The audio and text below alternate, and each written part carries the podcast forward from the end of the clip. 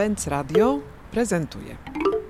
Jesteśmy na ulicy, siedzimy przed księgarnią Benza przy ulicy Mokotowskiej, więc słychać przyjeżdżające Jaguary, Bentleye.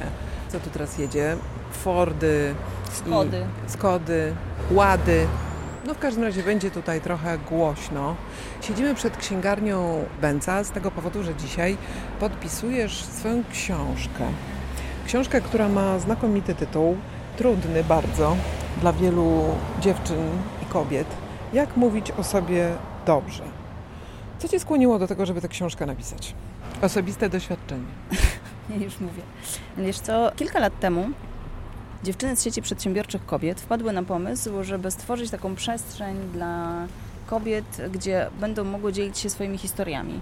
Miałyśmy wtedy poczucie, że jest taka ogromne zapotrzebowanie na TEDy i TEDxy i niby miał powstać taki TEDx dla kobiet, ale wtedy on się jeszcze nie narodził i czułyśmy, że jest taka potrzeba, żeby, żeby dać dziewczynom przestrzeń. I ja już wcześniej pracowałam z różnymi osobami, wcześniej uczyłam storytellingu, pracowałam też z mężczyznami, ale zazwyczaj to były takie opowieści, które gdzieś mieściły się w kategoriach wystąpień publicznych albo takich, wiesz, wystąpień motywacyjnych. I nagle zostałam poproszona o to, żebym pomogła tym kobietom, z którymi się spotykam, stworzyć opowieść na temat ich życia na temat punktów zwrotnych, czyli takich momentów, które sprawiają, że w naszym życiu coś się zmienia. I kiedy zaczęłam z nimi pracować i na warsztatach, których zresztą robiłam w ogóle już potem coraz więcej dla kobiet i na takich indywidualnych sesjach, to to, co słyszałam, to zazwyczaj było fajnie, że ktoś mnie zaprosił, ale o czym ja mam mówić? Wiesz co, ja nie wiem, czy ja w życiu zrobiłam coś interesującego. Ja chyba nie mam żadnej historii. I kiedy usłyszałam to 80 razy, a potem 100 razy, to pomyślałam, że to jest takie przekonanie, które gdzieś w nas pokutuje i z którym fajnie by było, żebyśmy sobie poradziły, bo w tych wszystkich przypadkach, które, które wydawały się mówczyniom moim bez, takie beznadziejne, że one nie mają nic do powiedzenia, okazywało się, że ludzie płaczą, 500-osobowa widownia klaszcze i daje owację na stojąco i nie dlatego, że tak wypada, tylko dlatego, że te historie bardzo poruszają. Więc stąd, wziął się, stąd wzięło się takie moje przekonanie, że taka książka, w której może nie daje recept na to, jak mówić o sobie dobrze, ale dzielę się takim procesem, jak, którym normalnie przygotowujemy się do, do takiej opowieści, że to może się, że to może się dziewczynom przydać. No właśnie, bo tutaj, wiesz co, proponuję, żebyśmy otworzyły sobie śmiało tą, tą Twoją książkę. Ona ma podtytuł Opowiedz swoją historię i rozwiń skrzydła w życiu i w biznesie, czyli widać bardzo jasno, że tutaj jest takie ośmielające wskazanie do tego, żeby nie tylko w życiu osobistym, ale też śmielej być samodzielną w takim sensie ekonomicznym. To też było ważne. Wiesz co, to stało się jakby w taki sposób, że jak ja zaczynałam w ogóle pracę, jeszcze zanim zaczęłyśmy Be The Change, to wymyśliłam sobie warsztaty dla takich kobiet, które prowadzą mikrofirmy. I często jest tak, że wtedy ta ich marka jest bardzo z nimi związana. Bardzo jest bliska ich osobistej opowieści. I te dwie rzeczy bardzo się przenikały i kiedy ja robiłam warsztaty, najczęściej kończyło się tak, że zaczynałyśmy od marki, a potem okazywało się, że ważniejsze jest to, że któraś się rozwodzi albo właśnie się przeprowadza, albo chce zmienić swoje życie, bo ta praca, którą wykonuje, nie daje jej satysfakcji. I myślę, że wiele kobiet tak ma, że to, co robią, jakby musi być spójne z nimi.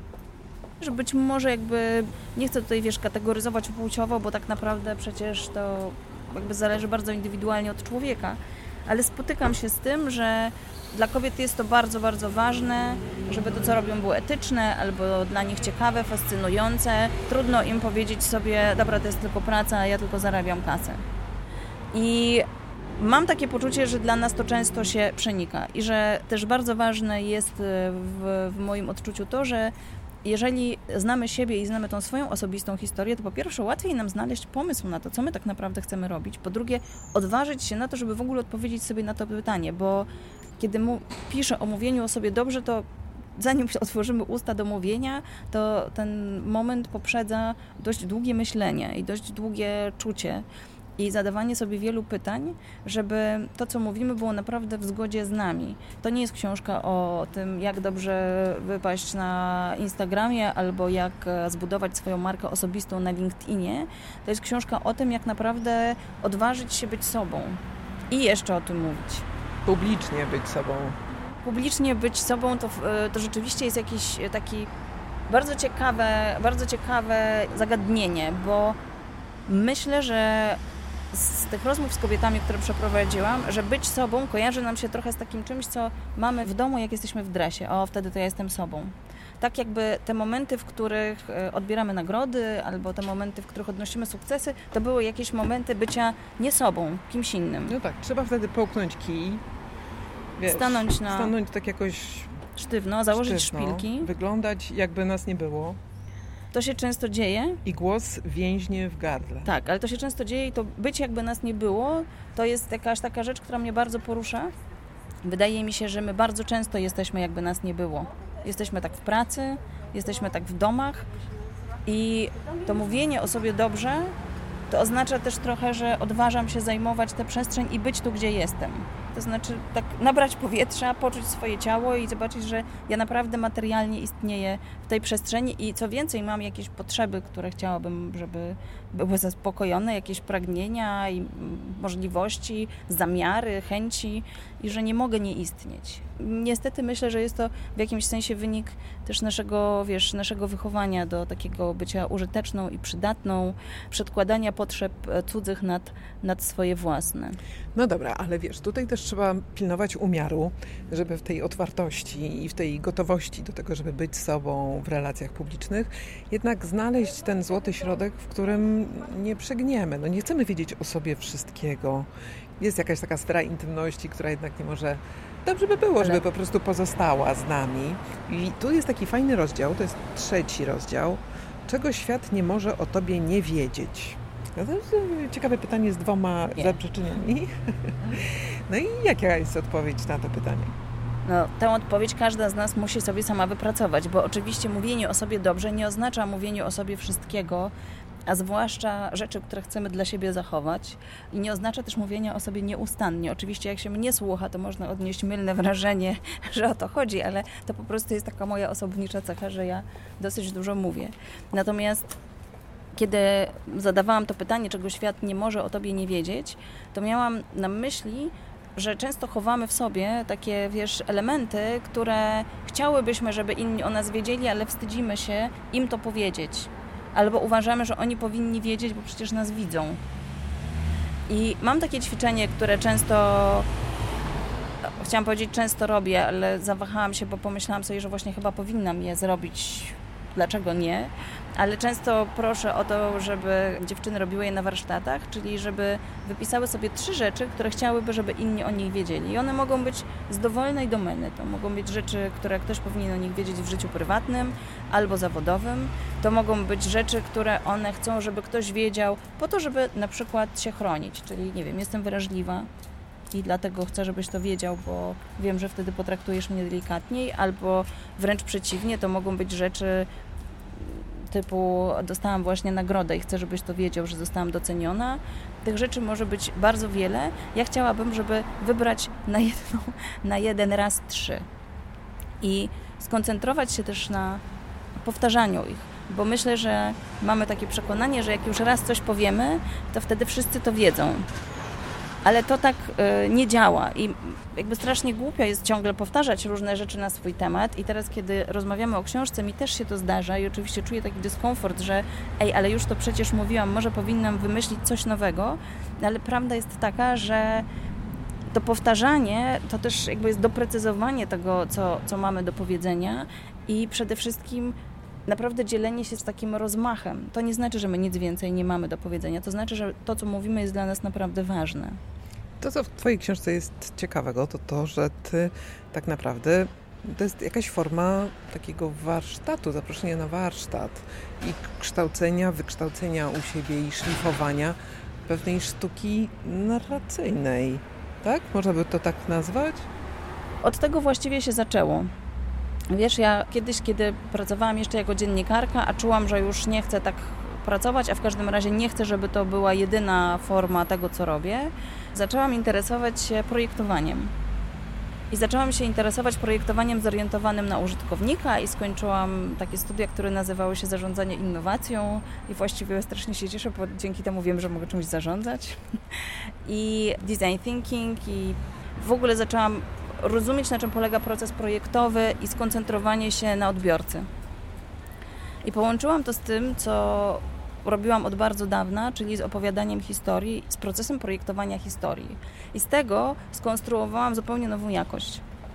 Czyli nie koncentruję się na tym, żeby to tak jak przy pisaniu scenariusza, żeby to po prostu świetnie się działo w strukturze, żeby były wszystkie punkty zwrotne w odpowiednich miejscach, dobry początek i dobry koniec, to jest bardzo ważne, ale przede wszystkim zapis tego projektowania, ten cały proces projektowy, to jest to, co ja zawarłam w tej książce, czyli krok po kroku przeprowadzam czytelniczkę albo czytelnika, bo chłopaki też czytają, przez taki proces od momentu, kiedy zadaję sobie pytanie, czy ja w ogóle chciałabym o sobie coś powiedzieć, czy mi jest to potrzebne, przez to, co ja chciałabym o sobie powiedzieć, po jak to skonstruować, jak to ubrać w słowa, jak zastanowić się, jaką ja mam intencję, żeby o tym opowiadać, po co, co ma mi to dać, jaki jest tego cel, no bo skoro już poświęcam czas na jakąś pracę, to warto, żeby ona miała jakiś sens i do kogo ja to mówię.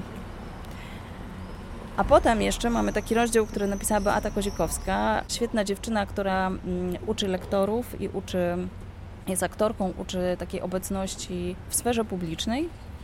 Taki rozdział, który jest poświęcony głosowi, oddechowi i ciału. Czyli jak to zrobić, kiedy nasze ciało mówi, o Boże, nie, tylko nie to, oni biją mi brawo. I teraz to, co mówię, nie jest moim wymysłem. Zrobiłam kiedyś takie ćwiczenie na warsztatach, czyli w bardzo bezpiecznej atmosferze. Dziewczyny, które nie znały się dobrze, ale zdążyły się poznać już e, przy jakimś pierwszej kawie, miały tylko wejść na salę i na środku tej sali powiedzieć jakieś prostej rzeczy. Przed dziś umyłam zęby. I cała reszta miała klaskać, zrobić im taki prysznic, w moim poczuciu endorfinowy, żeby naprawdę było im dobrze, żeby nauczyły się czerpać energię od publiczności. I uwierz mi, że jedną z nich musiałam złapać za rękę, żeby nie uciekła, zanim zaczęły klaskać. Bo dla, dla kobiet bardzo często dużo trudniejsze niż to, żeby postawić sobie jakieś wyzwanie, nawet jeśli tym wyzwaniem jest wyjście na środek i powiedzenie czegoś prostego o sobie, jest przyjęcie wyrazów uznania za to, co zrobiły.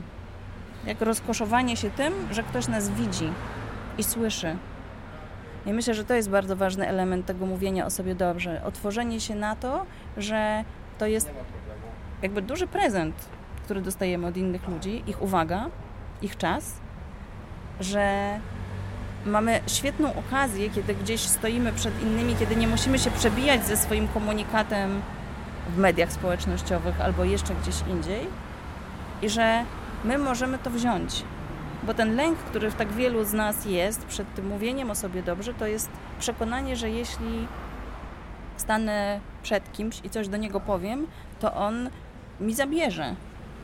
On mnie oceni, on mnie skarci, on pomyśli, to skandal, że ona w ogóle się odzywa. To w ogóle jest takie przekonanie, że jeśli ja zabieram, że jeżeli ja jestem w jakiejś przestrzeni, to zabieram ją komuś innemu. A tymczasem my możemy się tą energią wymieniać i Moim zdaniem, kiedy dokonamy tej zmiany perspektywy, to nagle okaże się, że to mówienie o sobie dobrze to, są, to jest wymiana prezentów. To jest tak jak e, wymiana koralików za skórki. Odwieczna e, reguła wzajemności, która pozwoliła w ogóle ludzkości przetrwać. Ola, to na koniec w takim razie podsumowując. Dlaczego to mówienie o sobie dobrze jest takie istotne? Co ono może zmienić nie tylko w takim planie osobistym, ale też relacji społecznych, tego, co się dzieje między nami, mhm. no, w tej sferze właśnie wymiany energii społecznej. Wiesz myślę, że na takim głębokim poziomie chciałabym, żeby to, wiesz, na wielu płaszczyznach zadziałało. Pierwsza płaszczyzna jest taka, że jeśli my zmieniamy tą narrację o sobie, to zaczynamy inaczej działać. Jeśli zaczynamy mówić o sobie, to zaczynamy czuć, że my mamy prawo istnieć w tym świecie. Jeśli mamy prawo istnieć w tym świecie, to nie musimy jakby manipulować odbiorcą w tym sensie, że mówimy coś po to, żeby on nas pochwalił, żeby on nam powiedział, że było pozwolenie, że to jest w porządku. Możemy same zająć tę przestrzeń. Jeśli my będziemy czuły, że mamy prawo tę przestrzeń zabierać, to możemy głośno mówić o swoich potrzebach, nie handlować nimi i nie oczekiwać, że ktoś je za nas spełni. Ja wiem, że to jest kamyczek, który ja wrzucam do gigantycznego kamieniołomu, który pewnie musimy jeszcze, pewnie musimy jeszcze przerobić, ale wydaje mi się, że to jest naprawdę ogromnie znaczące. Żebyśmy my przestały siadać na brzeszku krzesła ze skurczonym żołądkiem i czekać, aż ktoś nas poprosi. Bo z jakiego niby powodu? Bardzo Ci dziękuję za rozmowę. Ja Tobie bardzo dziękuję za rozmowę.